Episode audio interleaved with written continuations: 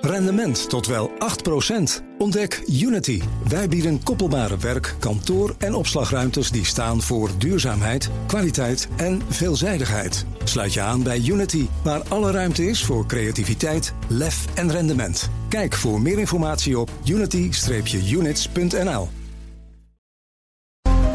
Je kunt ons live Dat kan via de BNR-app. Daarin vind je bijvoorbeeld Hoge Bomen, DPG Media. Download de BNR-app en blijf scherp. BNR Nieuwsradio. The Big Five. Art Rooijakkers. Aanstaande zaterdag is het 24 februari, precies twee jaar geleden dat Rusland Oekraïne binnenviel. Die speciale militaire operatie die nu al twee jaar duurt dus. Terwijl het geweld voortduurt, beweegt de frontlinie al maanden nauwelijks. Twee jaar oorlog, zo noemen wij het. Is er nog enig zicht op diplomatieke uitwegen? En de vraag is ook op welke bondgenoten beide landen kunnen rekenen nu de geopolitieke spanningen op meerdere vlakken toenemen in de wereld. Vandaag bespreek ik het allemaal met Geert-Jan Haan, Europa-verslaggever van BNR. Hij volgt de oorlog in Oekraïne op de voet voor deze zender. Afgestudeerd slavist, woonde in 2011, 2012 in Oekraïne.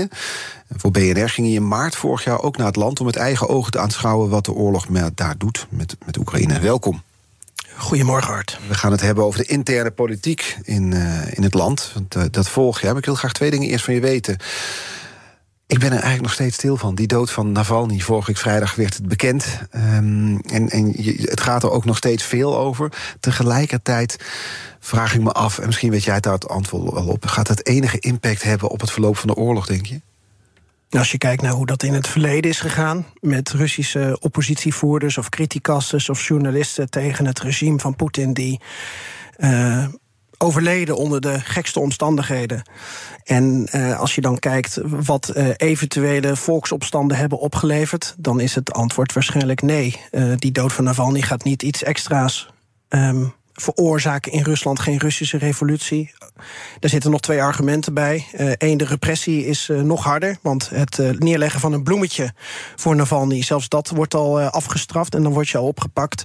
En twee, er zijn ook de afgelopen twee jaar miljoenen Russen het land ontvlucht. En daar zitten ook mensen bij die wat hoger zijn opgeleid en mogelijk ook wat meer ja, richting de oppositie gaan. Dus ik denk dat er weinig draagvlak voor is in Rusland en dat het uh, ook hard wordt neergeslagen. Ja. Ergens waren er mensen, ik las die berichten ook, die zeiden... ik had de hoop dat hij onze Nelson Mandela zou zijn. Ik had die naïeve hoop vanaf hier misschien ook wel. Ja, maar ik weet niet hoeveel mensen dat daadwerkelijk dachten. En ik weet ook niet of dat vooral wensdenken is vanuit het uh, buitenland. Maar we weten ook dat uh, Rusland een heel onvoorspelbaar land is. Dus we kunnen de ene dag het een denken en de andere dag kan het ander gebeuren. Ja. Tweede vraag. Je hebt dus in Oekraïne gewoond, ik zei het al, 2011, 2012. Bent er ook tijdens de oorlog geweest, vorig jaar nog. Zou je eigenlijk, hè, je hebt de journalistiek hard, zou je dan liever daar misschien willen wonen nu... om vanaf daar verslag te doen? Nee. En wat is de reden erachter, achter die nee? Nou, dat is een, een ander hart. Uh, namelijk dat ik, uh, even diplomatiek gezegd, een fantastische baan bij een fantastisch bedrijf heb. In een fantastisch land woon. Met veel mogelijkheden. Uh, met een fantastisch gezin. En die laatste, ja, wij weten het allebei. er gaat niks boven dochters. Zeker. En als je dan ook de discussie nu hoort over uh, of Oekraïense vluchtelingen in Nederland mogen blijven, mm -hmm. hoe we daarmee om moeten gaan. Stel dat ik nou met mijn gezin naar Oekraïne zou gaan. Dan zou ik dus uh, met mijn dochter naar een land gaan in oorlog, waar je gewekt wordt s'nachts door luchtalarmen, waar je niet weet of je in je klaslokaal de hele dag door onderwijs kan uh, volgen. En al die Oekraïners, die vrouwen met name met kinderen, komen hier naartoe omdat ze hier dus stabiliteit hebben voor die kids. Ja, dan zou ik toch eigenlijk gek zijn om daar permanent met mijn gezin naartoe te gaan. Ja, dan is dat hart groter dan die journalistieke, dat journalistieke hart. En je kan het bovendien vanuit hier ook volgen. Dus we gaan het proberen in kaart te brengen wat er speelt. Ik ga er wel graag en meer naartoe. Ja, op, op reportage. Absoluut. Uh, deze week een paar keer voorbij gekomen. Vorig jaar waren we nou, misschien wel wat naïef enthousiast. Die term is gevallen. Naïef positief over de kansen van Oekraïne. We waren aan het opbouwen vanuit hier. Iedereen dacht er komt een voorjaarsoffensief. Nou, dat bleef enigszins uit. Dat optimisme van toen is omgeslagen in pessimisme. Als Oekraïne het maar lukt om de frontlijn vast te houden. Deel jij die analyse? Ja, maar je ziet ook dat het gevoel van urgentie is toegenomen. En dat we minder denken in escalatie met Rusland. Maar dat er wel meer vanuit wordt gegaan van we moeten nu iets doen. Want Wil je anders... dat minder wordt uitgaan van escalatie met Rusland? Nou, ik hoorde gisteren uh, bij Nieuwsuur Jaap de Hoop Scheffer uh, zeggen... Uh, we hebben een mind, mindshift ondergaan. Ja? Ik zoek naar een goed Nederlands woord ja, daarvoor. We zijn anders gaan denken over hoe we omgaan met, met vijanden. En in het geval van, van deze oorlog zijn we de afgelopen twee jaar dus eigenlijk geschakeld van angst voor escalatie met Rusland naar zelfvertrouwen van, van dat we dit moeten kunnen. Dat we Oekraïne kunnen helpen. Uh, dat we een heleboel sanctiepakketten kunnen afkondigen tegen Rusland. En natuurlijk, het effect blijft soms uit. Of het effect op de korte termijn blijft soms uit. Maar hij geeft dus eigenlijk aan dat we uh, op een andere manier zijn gaan denken. En ook eigenlijk dus meer moeten nadenken over wat kunnen we. In plaats van altijd maar uitgaan van hoe beangstigend de tegenstander is. En die gedachteverandering zie je. Je ziet dat we minder wat zelfbewuster zijn geworden hier in het Westen. Ja, eh, zeker de, de politici. En dat komt ook omdat een aantal dingen natuurlijk al in gang is gezet. Wij zijn niet meer afhankelijk van Russisch gas. Dat was misschien de moeilijkste mindshift. Uh, de moeilijkste politieke beslissing. Mhm. En je ziet het ook aan de reacties op de dood van Navalny. Dat iedereen van Amerika tot Nederland toch vrij makkelijk nu hele uh, grote woorden gebruikt. Ja. Grote woorden gebruikt. Ja, en als je als je op dat moment toch nog gegijzeld zou worden door uh, energiepolitiek met Rusland, die je bedrijft, dan denk ik dat je net iets meer je woorden wikt en weegt. Dat zal nu ook gebeuren. Zijn, ja. Maar nu gaat het ietsje harder. We zijn, we zijn bij sanctiepakket nummer 13 aangekomen, Art, vanuit, uh, vanuit de EU. Dus we zijn al een eind op weg. Ja.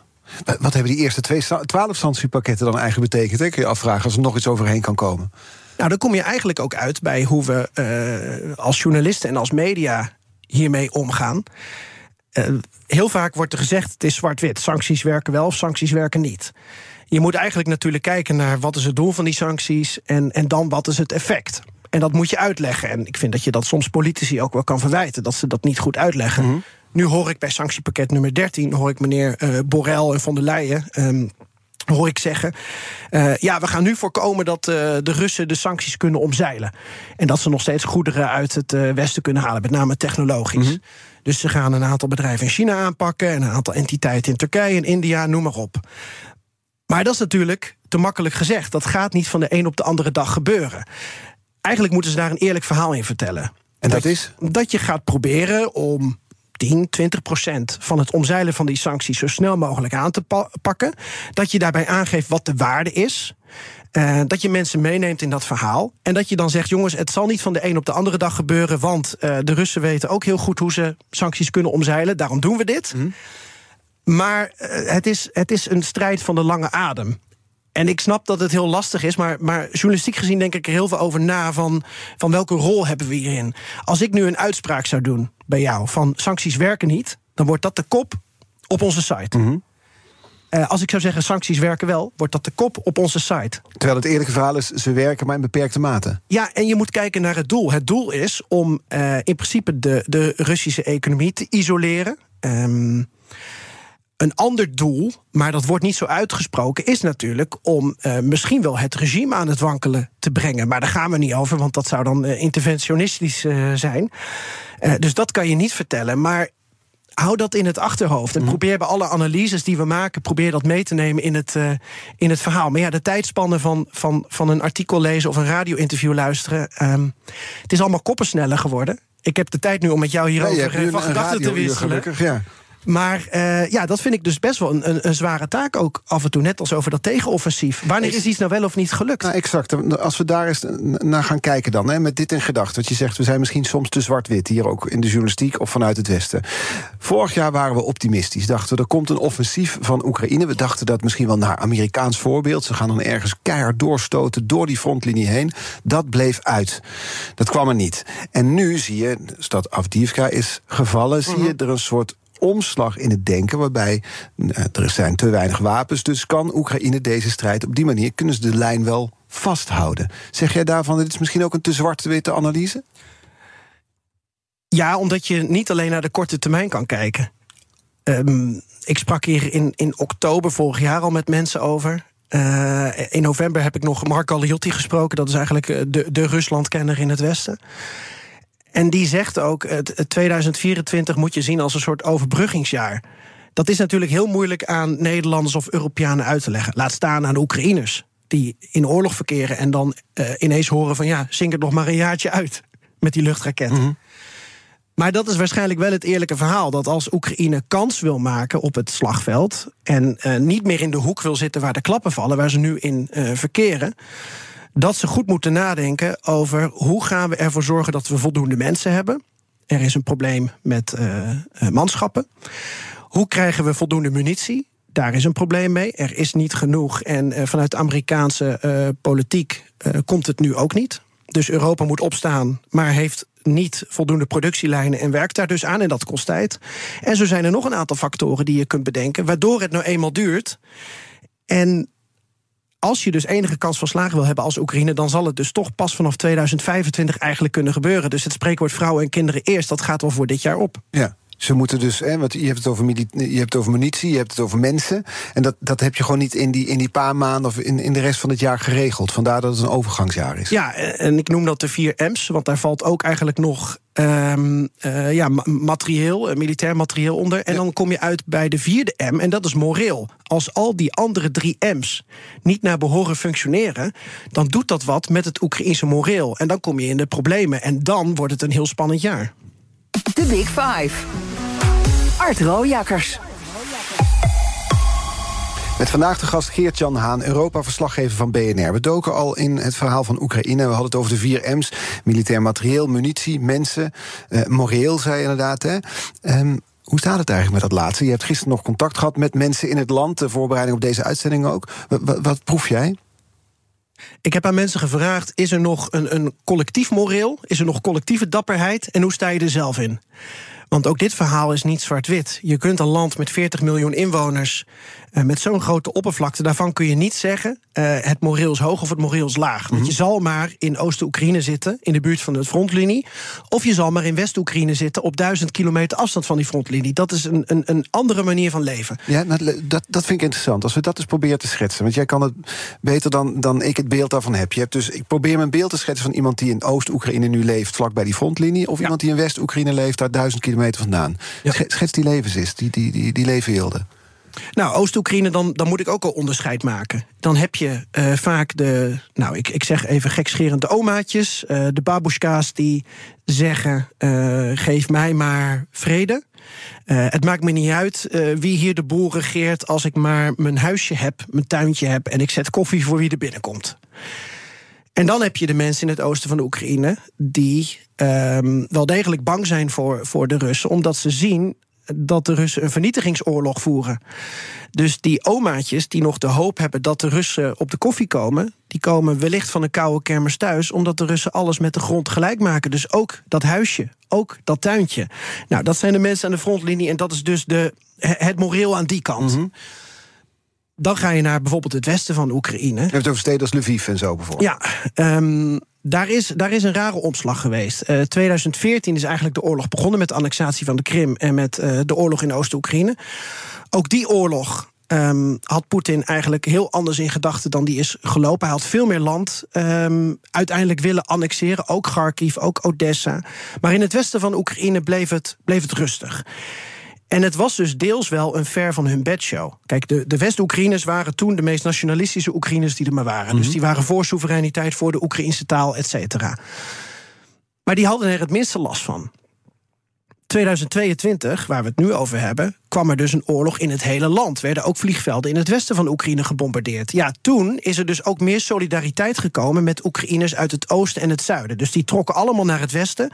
Dat deden ze ook al in 2014. Maar nu werden ze eigenlijk met nog meer uh, open armen ontvangen. Maar nu zit je weer op een ander punt, Art. We zijn twee jaar verder. Uh, er zijn te weinig wapens, er is te weinig munitie vanuit Oekraïne gezien. Als je dan uit Lviv komt en je wordt eventueel gemobiliseerd om duizend kilometer verderop te gaan vechten in de loopgraven voor jouw land. Je moet wel een, een bepaald gevoel hebben bij dat land. Nou, dat hebben ze eigenlijk wel sinds 2022, want ze zien dat Poetin het hele land onder vuur neemt. Maar eh, wat zijn je kansen? Als je dus vanuit West-Oekraïne duizend kilometer verderop wordt gestuurd om eigenlijk zonder wapens en zonder munitie te gaan vechten, doe je dat dan? En dat is ook de reden dat een heleboel mensen nu toch ook um, aan het onderduiken zijn. Uh, mensen die eigenlijk nu opgeroepen worden voor, voor het, voor het leger, uh, leger. Die in dorpjes zitten en daar niet de boodschappen doen. Die uh, als ze de weg opgaan, kilometers omrijden. Om maar te zorgen dat ze niet worden opgeroepen. Ja. Want dat, dat hangt samen met die, die mobilisatie die dan in de, in de lucht hangt. Daar wordt vaak over gesproken. Er is weer een stap gezet bij het, in het Oekraïnse parlement. Een stap naar verdere mobilisatie. Een half miljoen mensen wordt dan genoemd. Is, is dat iets wat inderdaad dichterbij aan het komen is?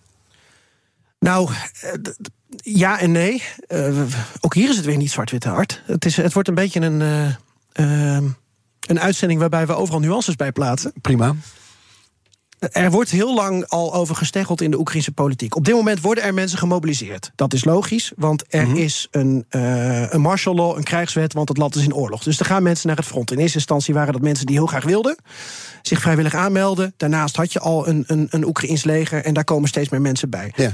De nieuwe mobilisatiewet moet ervoor zorgen dat er um, in ieder geval, denken we, ongeveer een half miljoen manschappen bijkomen. Dat is een wens van de legerleiding. Zelensky vindt dat lastig, want hij voelt dat daarmee draagvlak in de samenleving wat, wat weg hebt. Mm -hmm.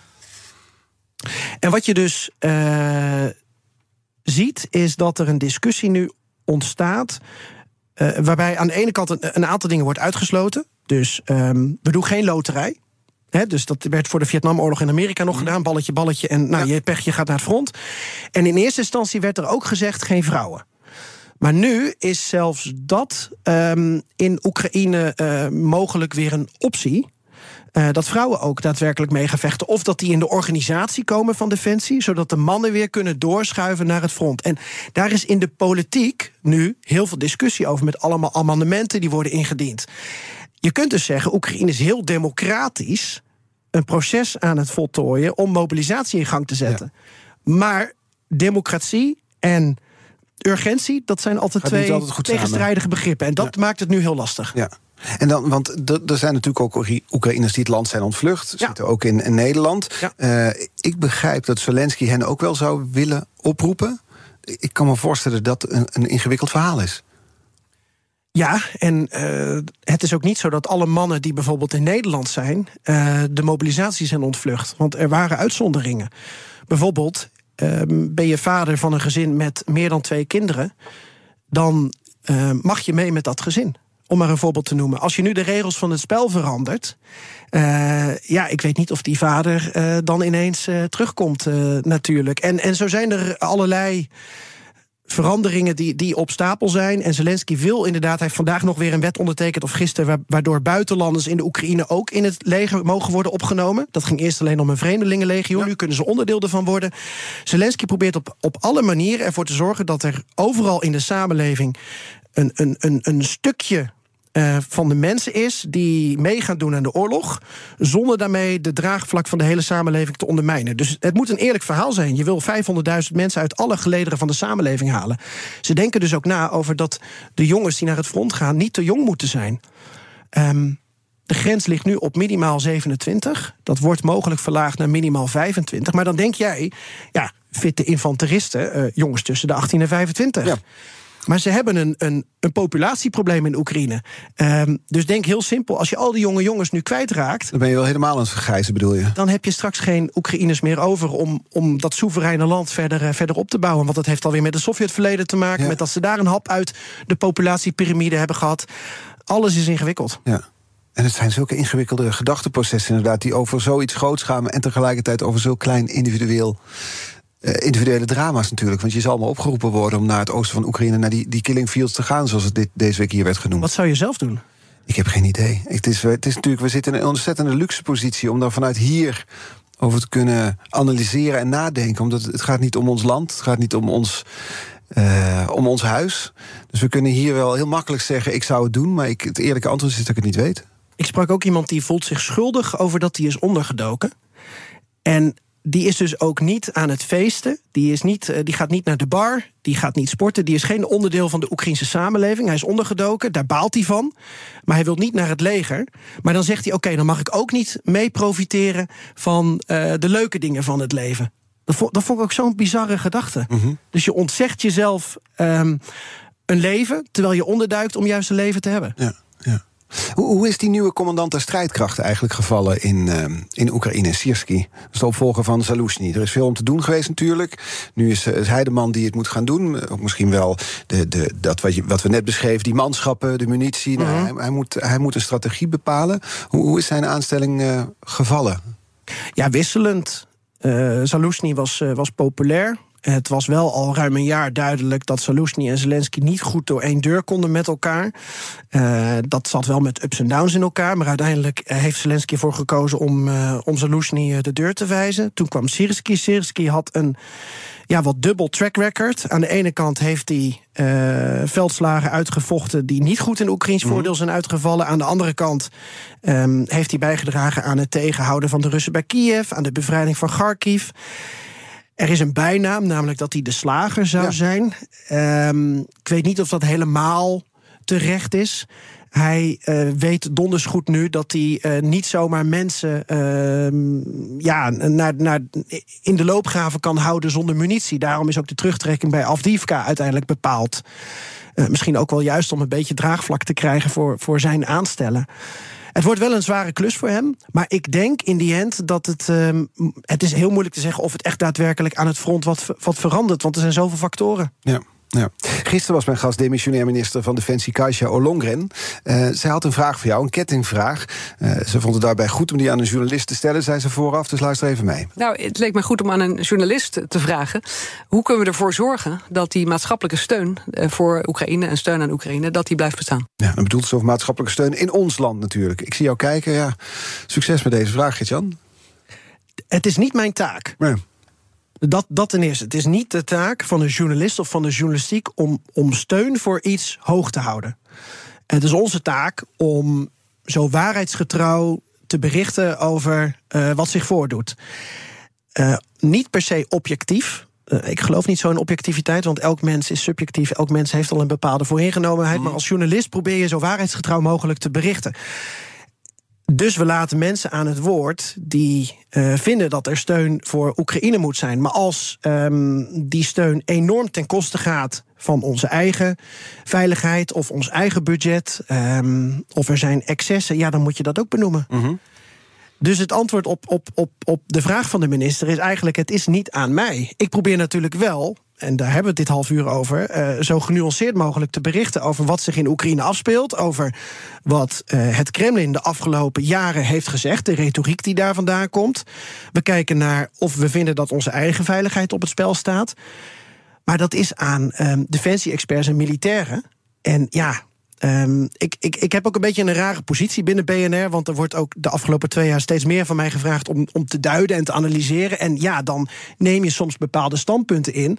Maar dat doe je wel op zoveel mogelijk. Uh, op basis van zoveel mogelijk verschillende informatie die je vergaart. Ik zat in de auto hier naartoe nog te luisteren naar Sputnik Radio. Dat is gewoon een, een, een pro-Russische zender natuurlijk, die, die eigenlijk gesanctioneerd is in de, in de EU. Uh, maar toch even luisteren uh, waar het over gaat. Uh, hoe kijken ze op dit moment in Rusland naar Amerika?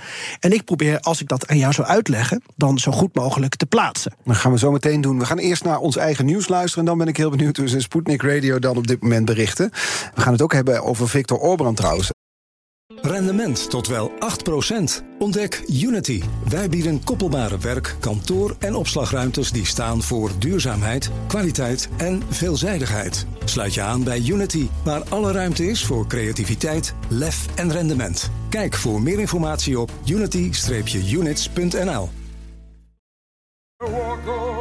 Hardlopen, dat is goed voor je. En Nationale Nederlanden helpt je daar graag bij. Bijvoorbeeld met onze digitale NN Running Coach... die antwoord geeft op al je hardloopvragen. Dus, kom ook in beweging. Onze support heb je. Kijk op nn.nl slash hardlopen.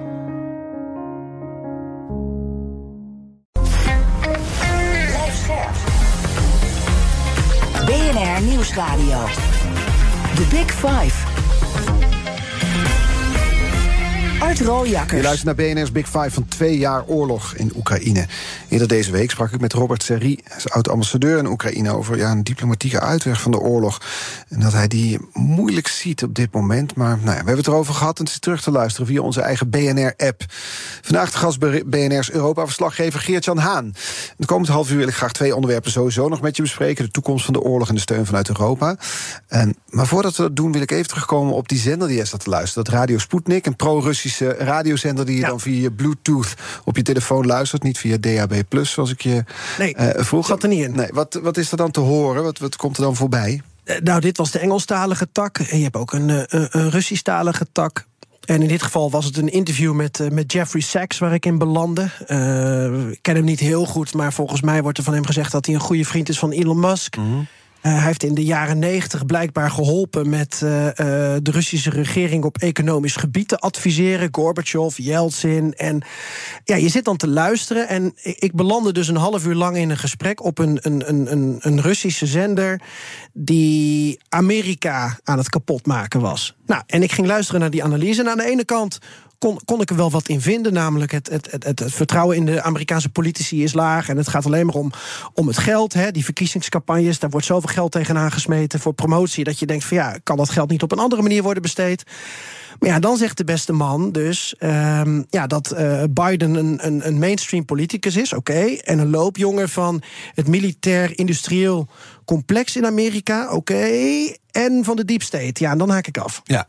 En, um, dan tot daar we... was de analyse nog wel interessant, vond je? Ja, en dan kunnen we het heel lang hebben over wat is waarheidsgetrouw en wat zijn narratieven. En moet je oog hebben voor de ene kant en voor de andere kant. Maar als we, als we in de complot gaan denken, um, ja, dat is ook journalistiek niet te verifiëren. Dus nee. dan, is het, uh, dan is het klaar. Maar wel interessant om te horen dat, dat, dus, te horen. dat dit dus uitgezonden wordt. Ja, ja. Ik wil een beetje over Europa hebben en de westerse steun uh, voor Oekraïne. Want die is de laatste tijd niet altijd vanzelfsprekend. Uh, ik, ik, noemde het al uh, net in de aankondiging. Hè, er was die Europese top een poosje geleden. Moest de Hongaarse premier, hij is ook op leeftijd, maar moest plotseling plassen. en toen konden dus de lidstaten stemmen met het openen van toetredingsonderhandelingen met Oekraïne. Hij, ja. hij zat daar in een beetje dwars, was de puist op het gezicht. Ja. En doordat hij even weg was, kon dat dus aangenomen worden.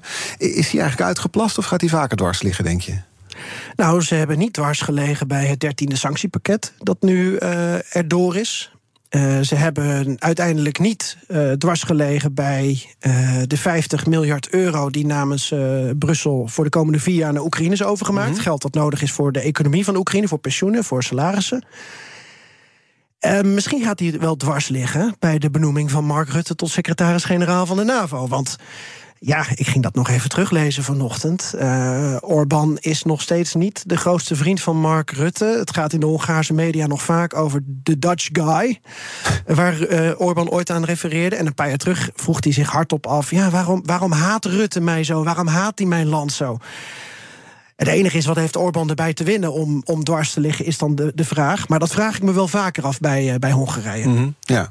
Uh, 4 april wordt hij benoemd, hoor ik Jaap de Hoopscheffer uh, zeggen. Ja, dan is er een bijeenkomst in Brussel met ministers van Defensie van de NAVO, volgens mij. En dan wordt ook de verjaardag van de NAVO gevierd. Dus dat wordt als datum genoemd. Maar ik denk dat we het dan eigenlijk al aan het begin van die week horen. Dus eind maart, begin april. Maar ja, we horen ook eigenlijk niet meer van een, een concurrent. Uh, het lijkt alsof er geen andere kandidaten zijn. Nee, dat was bij de VVD ook heel lang zo, hè?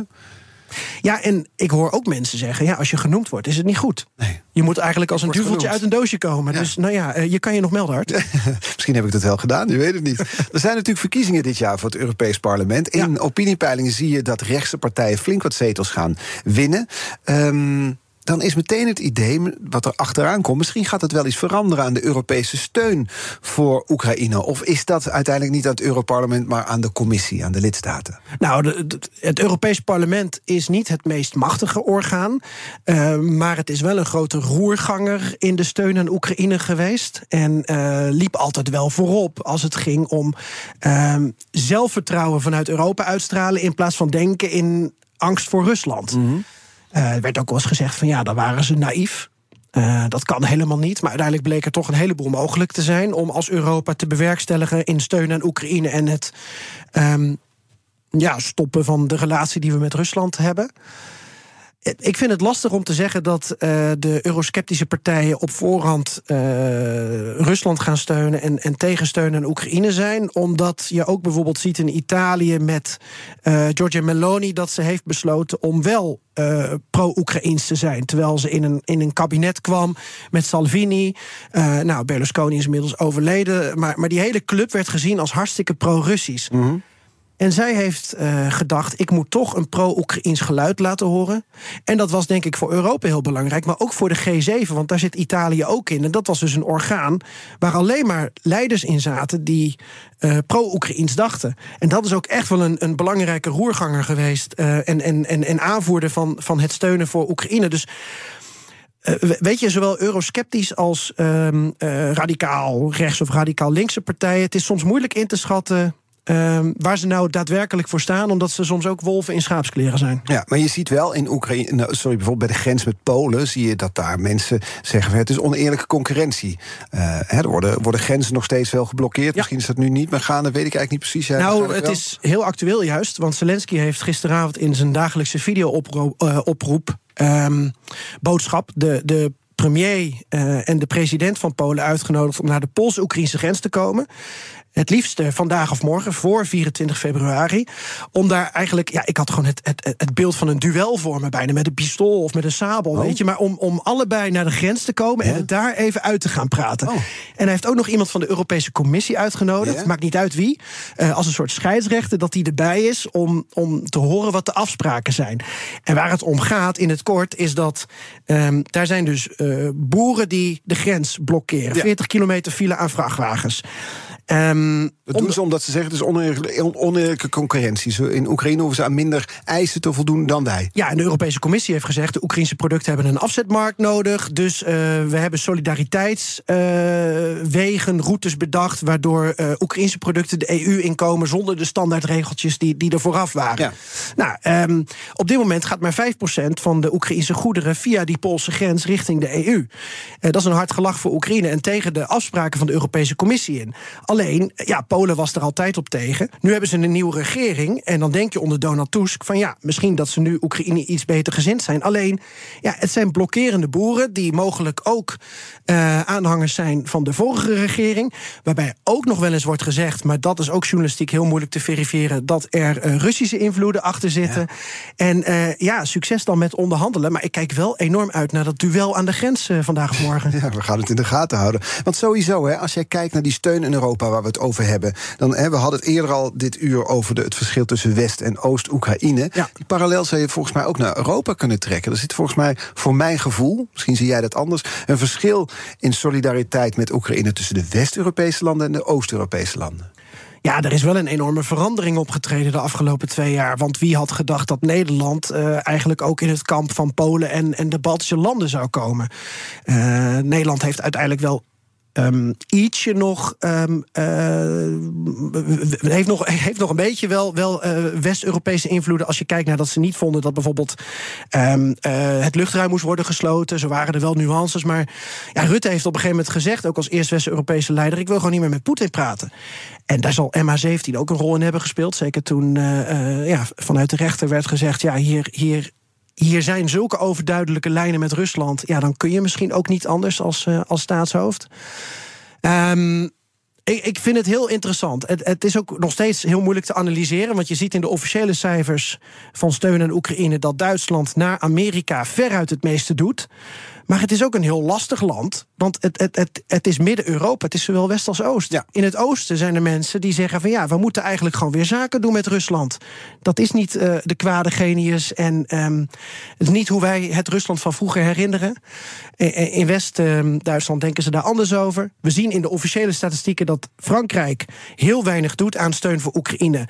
Maar blijkbaar doen ze onderhands heel veel. Dus ze willen niet. Wat betekent dat, dat ze onderhands veel, heel veel doen? Dat wat ze geven aan steun, dat dat niet in de officiële cijfers terug te vinden is. Met als idee erachter? Nou, Franse politici hebben daarover gezegd van ja, we willen de Russen niet wijzer maken. Um, we hebben ook nog misschien een stukje angst vanuit uh, Frankrijk voor, uh, voor Rusland. Uh, ja. Ook in Frankrijk zit af en toe steun voor, Oekri ehm, voor Rusland, zeker vanuit het bedrijfsleven. Het land van de geheime liefde zoet aan geheime steun. Nou ja, daar hebben landen als Frankrijk en Italië wel last van. Um, en ik, ik was ook bij een persconferentie van Rutte met zijn Bulgaarse collega twee weken geleden. En, en toen zei Rutte ook: van ja, er zijn landen in Europa die uh, liever geen uh, directe zaken met Oekraïne doen. Maar uh, wel als wij ons daarmee bemoeien. Ja. Dat zou dus kunnen betekenen dat hè, in theorie Nederland munitie of wapens opkoopt van Bulgarije, mm -hmm. die nog wat angst hebben voor, voor Rusland. En dat wij het dan geven. En dat wij het dan geven. Ja, ja. En zo wordt het dan onderling geschoven. Het is wel interessant om. Ik, ik kwam een cijfers tegen van een uh, instituut. wat dat allemaal in de gaten houdt. Wat is het? De Kiel Institute for World Ja, daar refereer ik ook naar. Die zijn net met nieuwe updates oh, ja, gekomen. Nou, precies. En zij zeggen dan dat Europa. dat kwam ik tegen, dat zal je ook gelezen hebben dan. de VS heeft ingehaald als het gaat om steun aan Oekraïne. Ja. Maar dat is geen militaire steun. Ah. Daar zit wel militaire steun bij. Daar en daar zit zit nuance. ook nog eens beloofde steun bij. Oh. Dus uh, op papier is er veel naar Oekraïne gegaan. In Ja. de praktijk is nog niet alles daar beland. Ja, ja, dus maar op papier zeg- zeggen wij, we steunen jullie heel erg. Maar in werkelijkheid is er, zit daar nog een groot verschil tussen dan? Nou, militair gezien zeker. Eh, maar financieel, en dat wil Amerika ook, houdt Europa eh, met eh, zowel Brussel als de EBRD, de Europese Bank voor Wederopbouw en Reconstructie, die, die houdt Oekraïne op de been. Dat is die 50 miljard euro die daar naartoe is gegaan, zodat het land kan blijven draaien. Ja, maar hoe kan het dan dat de steun die is toegezegd nog niet allemaal naar Oekraïne gaat? Waar, waar wordt dat vastgehouden? Eh, omdat, omdat die Universiteit van Kiel die geeft aan wat een land heeft afgekondigd bij een officieel bericht. Dus nou, als Nederland zegt, als Ollongren zegt, we hebben 2,5 miljard euro aan Oekraïne beloofd, dan is dat voor het hele wordt het jaar. genoteerd. Maar dan, dan wordt dat eigenlijk eh, inbegroot. Hmm. Maar eh, daaruit is nog niet alles overgemaakt, bijvoorbeeld. Of eh, daar zit ook militaire waarde tussen. Ja, ja. Ehm, nou ja, wij hebben eigenlijk geen, geen productielijnen meer, hè, zoals de minister ook zei. Maar stel, je hebt een land dat munitie levert aan Oekraïne. Ehm, maar dat is er pas over een paar maanden, omdat ze dat in Finland en Zweden nu aan het produceren zijn. Dan hebben ze dat alvast inbegroot. Dan valt dat als beloofde steun onder die statistieken. Maar dan zijn die kogels er nog niet. Nee. Ja, ik heb ooit bedrijfskunde proberen te studeren. Toen struikelde ik al op dit soort boekhoudkundige waarheden. Ik heb het nooit begrepen. Ik zal het waarschijnlijk ook nooit. eh, nooit, nooit. Rendement tot wel 8%. Ontdek Unity. Wij bieden koppelbare werk, kantoor en opslagruimtes die staan voor duurzaamheid, kwaliteit en veelzijdigheid. Sluit je aan bij Unity, waar alle ruimte is voor creativiteit, lef en rendement. Kijk voor meer informatie op unity-units.nl. Business Booster. Hey ondernemer, KPN heeft nu Business Boosters. Deals die jouw bedrijf echt vooruit helpen. Zoals nu, zakelijk tv en internet, inclusief narrowcasting... de eerste 9 maanden voor maar 30 euro per maand. Beleef het EK samen met je klanten in de hoogste kwaliteit. Kijk op kpn.com slash businessbooster. Business Booster. BNR Nieuwsradio. The Big Five. Art Rojakkers.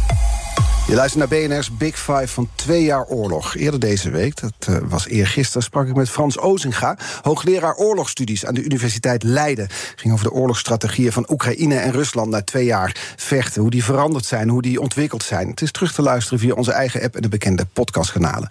Vandaag de gast BNR's Europa-verslaggever Geert-Jan Haan.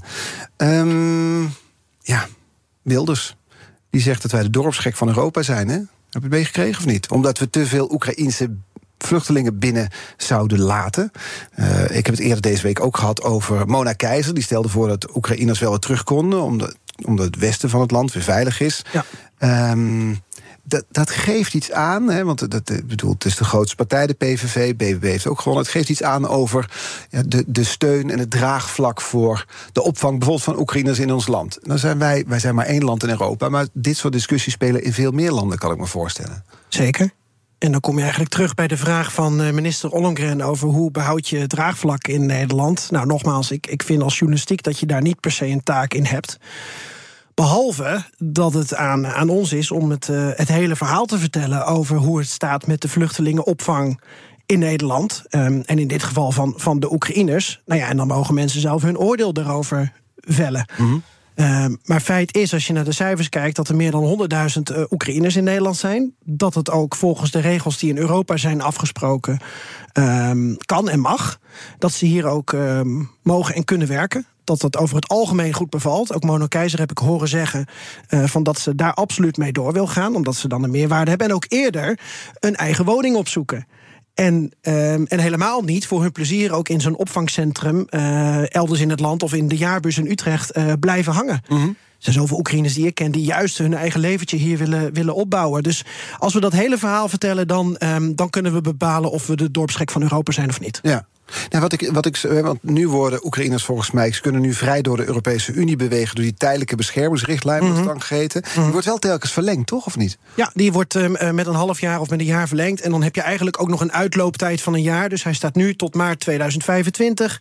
Maar dan blijven de faciliteiten volgens mij tot 2026 staan. Ja, dit, maar het is, jij kent Europa beter dan ik. Is er een kans dat het dan na 2025 niet automatisch verlengd wordt? Eh, nou, die kans bestaat, maar ik denk dat we helaas nog wel een rondje gaan. En Ja. dat heeft niet te maken met het draagvlak voor de opvang van Oekraïners, maar dat heeft te maken met de vernietigingsoorlog van Poetin. Ja, maar tegelijkertijd hadden we het eerder dit uur over het verschil tussen West- en Oost-Oekraïne. Over mensen die in Ja. West-Oekraïne die toch in relatievere veiligheid leven Ja. dan mensen in Oost-Oekraïne. Daar verwees Mona Keizer ook naar. Die zei er zijn delen van, Europa, van Oekraïne excuus, waar mensen naar terug zouden kunnen. Ja. Jij kent het land, zie je dat ook zo? Ik vind dat heel moeilijk te bepalen, want dan komen we ook weer terug bij, bij, bij mijn eerdere eigen overweging om niet die kant op Ja. te gaan. Eh, ook in Lviv komen raketten neer. Ook daar gaat het luchtalarm af. Ook daar is, is ontwrichting van de samenleving.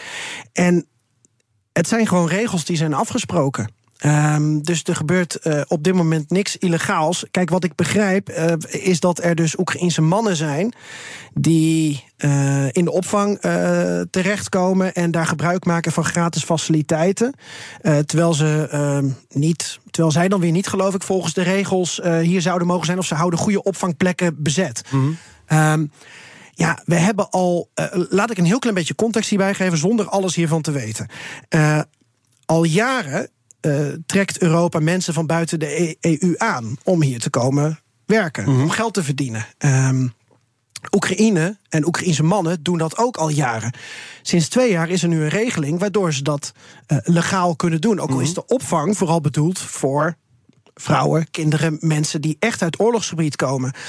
Eh, ja, dit had je dus kunnen verwachten. Ehm, dat er ook mensen tussen zitten voor wie je deze opvang niet helemaal bedoeld hebt. Hoe je daarmee om moet gaan, dat vind ik een lastige. Want ik hoorde Mona Keizer zeggen: eh versober maar Ja. ehm, de regels. Maar ja, daarmee raak je ook weer de goede. Eh, hier weet ik te weinig vanaf. En bovendien weten we eigenlijk waar mensen in Oekraïne vandaan komen hier in Nederland. Nee, Is en dat, geregistreerd? is, dat is een heel groot probleem. Want als, je kan wel allemaal dingen roepen over eh, West is veilig en Oost niet. Ehm, maar eh, als wij niet goed bijhouden of iemand uit de regio Bakhmut komt of uit de regio Lviv, ja, dan. ehm, dan heb je geen potem op te staan eigenlijk. En dan kan altijd iemand zeggen, eh, zodra die regels weer bekend zijn... van ja, ik kom uit. Oost-Oekraïne. Eh, en je hebt ook mensen die voor een tweede keer gevlucht zijn. Die oorspronkelijk in 2014 naar Mariupol zijn gegaan. Ja. Toen in Oekraïnse handen. En daarna naar, naar West-Europa. Zijn daarna naar. West-Europa zijn gegaan. Wat me ook een ingewikkeld verhaal lijkt. Als, als ik kijk naar. We hadden het over dochters. Ik heb er twee. Die zitten Ja. op de basisschool eh, in Amsterdam. met Oekraïense kinderen Ja. in de klas. Die na twee jaar hier in Nederland hartstikke goed Nederlands spreken. En je ziet die kinderen langzaam ook steeds meer vernederlandsen, zal ik maar zeggen. Ja. Dus je krijgt ook mensen die wortels krijgen in dit land. Die zich vestigen in dit land. Die met, met een toekomstbeeld zitten in dit land. Ja, ja ik, heb, ik heb Oekraïnse vrouwen in Nederland horen zeggen... ook al zou er een wapenstilstand zijn... ook al zou er vrede zijn... ook al zou mijn gebied veilig zijn... je doet geografisch geen bal aan de ligging van Oekraïne... en aan de ligging van Rusland. We blijven nog steeds... Dat land naast dat agressieve land dat ons land kapot heeft gemaakt. En elke keer, dat, dat wijst de geschiedenis uit van de laatste decennia, gaat Poetin een stapje verder. Haalt hij in 2014 niet zijn gewenste resultaat, dan gaat hij in 2022 tekeer. Als hij nu zou stoppen, zou hij over een paar jaar wellicht weer tekeer gaan. Dus je kan er niet van uitgaan dat, je kinderen opgroeien In veiligheid. in veiligheid. Of dat nou op 30 kilometer van de grens is of in de hoofdstad. Nee, nee. Toch gaan we eens praten over, hoe wonderlijk ook, hè, ook al zeg je van ja, Poetin zal niet stoppen. De wederopbouw na de oorlog. Ja. Ooit gaat een oorlog stoppen. Jij maakte vorig jaar al die podcastserie over de wederopbouw. Ja. Eh, titel Als de oorlog voorbij is. Is nog steeds terug te luisteren, de BNR-app. Ja, ik denk dat de titel Als de oorlog nog steeds niet voorbij is, eh, zou moeten precies. worden. Nou, nou, noemde ik het al. Japan organiseerde een conferentie over economische samenwerking met Oekraïne en de wederopbouw van het land. Bijna 100 miljoen euro werd toegezegd. Ja. Jij hebt die serie gemaakt. Het is wel toekomstmuziek, toch, die wederopbouw? Nou, zoals je Robert Serri ook begin deze week eh, hebt horen zeggen, is er ook sprake van, van early reconstruction. Ja, ziekenhuizen die je nu alweer maakt, daken repareert, zorgt dat er toch weer mensen geholpen kunnen worden. En er zijn ook Oekraïners die wel terug willen naar de plek waar ze vandaan komen. Of uh, daar willen blijven onder betere omstandigheden, met betere ja. faciliteiten. Er zijn gebieden bevrijd. En je wil dus dat daar ook weer scholen zijn. En uh, ik, ik heb met, met, met Robert Serri ook in Oekraïne vorig jaar uh, contact gehad. En toen zaten we heel uitgebreid te praten en te eten. En toen hadden we het over dat je dus soms plekken hebt. Neem een regio Kharkiv in de buurt van, van, van Rusland is dat ook. Dat je op sommige plekken prima een school kan neerzetten, omdat daar al maanden geen raket is neergekomen. Mm. En vijf kilometer verderop wel. Daar komen ze bijna wekelijks neer. Dus je gaat toch kijken naar zijn er relatief veilige plekken. waar je toch alweer een school kan neerzetten, infrastructuur kan aanleggen. Je wil dat de, overheidsapparaten werken. Je wil dat de post bezorgd wordt, et cetera. Dus ja, je kan niet alles pas doen als die oorlog klaar is. Je zal nu ook al aan de slag moeten. En, en daar is eigenlijk iedereen het over eens. Ja. Oekraïne en het Westen. Ja. 2024 gaat het einde van deze oorlog niet brengen. Daar lijkt iedereen het deze week wel over eens. Dat, dat, dat beeld schetste jij ook al. Um, ik noemde eerder, deze week, gisteren was dat een gesprek met uh, mevrouw Ollongren, onze minister van Defensie, dat er een, een onderzoek was geweest onder Europeanen. 10% van de Europeanen gelooft in een overwinning van Oekraïne. Mm -hmm. En bijna een derde van de Europeanen denkt dat het uitloopt op zoiets als een frozen conflict. Ja. Hoe, hoe kijk jij daarna als je je waagt aan een voorspelling? Ik vind het heel moeilijk om te zeggen. Uh, ten eerste, ook als Trump aan de macht zou komen, uh, zal Oekraïne niet zomaar stoppen met uh, zich verdedigen en met de oorlog tegen Rusland. Dus dat is de reden waarom het niet aan het eind van dit jaar klaar is. Mm -hmm. Het heeft met een boel variabelen te maken, niet alleen aan Oekraïnse zijde. We hebben het over die vier M's gehad: over munitie, militair, mensen en materieel en, en, en moreel, moet ik zeggen. Ja. Um, aan Russische zijde zijn er ook variabelen. Uh, wat Mark Galeotti, de grote Kremlin-kenner, ook zegt... is dat Rusland uh, dit jaar misschien wel all-in lijkt te gaan. Ze hebben de wind mee, zo voelt Poetin dat ook. Uh, hun economie is een oorlogseconomie geworden. Nu moet het juist gebeuren. Heel veel van de olie- en gasinkomsten die ze nog hebben... He, die zijn minder geworden, maar nu moet het gebeuren. Nu moet dat naar de bewapening ja. gaan. Maar wat als ze volgend jaar minder geld hebben? Wat als ze dan ook minder materieel hebben, minder kwalitatief materieel? Ze krijgen spullen uit Noord-Korea en uit Iran, maar je hebt ook echt goed uh, uh, materieel nodig. Je hebt kwaliteit nodig, want vanuit het Westen komt um, kwalitatief beter materieel. Ja. Dus uiteindelijk wil Oekraïne met een mooi woord pariteit bereiken met de Russen, dus op een gelijkwaardig niveau kunnen vechten. En dan kijken uh, of ze het verschil kunnen maken. Um, en ik denk dus ook op basis van andere onderzoekers 2025, 2026, misschien nog wel langer dat deze oorlog gaat duren. Misschien wel einde van het decennium. Morgen is Laura Starink uh, te gast. Zij is oud-correspondent van uh, NRC uh, in Moskou, medeoprichter van het platform Raam op Rusland. Je mag haar een kettingvraag stellen. Zelensky heeft ruim een jaar geleden gezegd dat hij de oorlog op twee fronten wil voeren. Uh, op het slagveld in Oekraïne, maar dat hij ook de oorlog naar Rusland wil brengen. En dat hoor ik zelf ook van hoge functionarissen. En je ziet dus drone-aanvallen bijvoorbeeld op oliedepots. Maar wanneer voelen de Russen dan daadwerkelijk dat de oorlog ook naar Rusland is gebracht? En is er nog een verschil tussen of de bevolking het voelt of dat het regime het voelt? Morgen ga ik het ervoor leggen. Dus Laura Starink, oud-correspondent van NRC in Moskou... medeoprichter van Raam op Rusland. Vandaag was de gast Geert-Jan Haan, Europa-verslaggever van BNR. Dank voor je komst vandaag. Graag gedaan. Geert-Jan, we zien elkaar trouwens. In het De La Mar, hè, half maart, staan wij met de Monday Moves op het podium daar. Volgens mij is gisteren officieel aangekondigd. Ach, 18 maart? 18 maart. En, en hele leuke kaarten zijn te koop. Ja, ze zijn nu te koop, de kaarten. Wat we gaan doen daar op die avond in het De La Mar... is samen met Geert-Jan, Arend-Jan Boekenstein... Um, Bernard Hammelburg en Michael gaan we praten over nou ja, de geopolitieke situatie in de wereld. Eigenlijk is de, de onderterm, het is oorlog, wat doe je dan? Vechten, vluchten of bevriezen? En jullie vier gaan eigenlijk jullie beeld schetsen... van wat er in de wereld aan de hand is, met, vooral met het oog op Oekraïne. Dus als je meer wil weten daarover, als je kennis wil opdoen... kom dan vooral naar De La Mar. Volgens mij is het kaartje inderdaad nu te koop, toch? Ja. ja. Bij, op die site van De La Mar, denk of misschien ook wel BNR. Moet je zelf even uitzoeken, maar we, we zien je graag daar. Geert-Jan gaat zich er nu alvast op voorbereiden.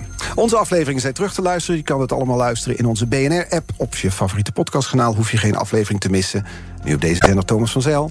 BNR Zaken doen. Tot morgen. Rendement tot wel 8%. Ontdek Unity. Wij bieden koppelbare werk, kantoor en opslagruimtes die staan voor duurzaamheid, kwaliteit en veelzijdigheid. Sluit je aan bij Unity, waar alle ruimte is voor creativiteit, lef en rendement. Kijk voor meer informatie op unity-units.nl.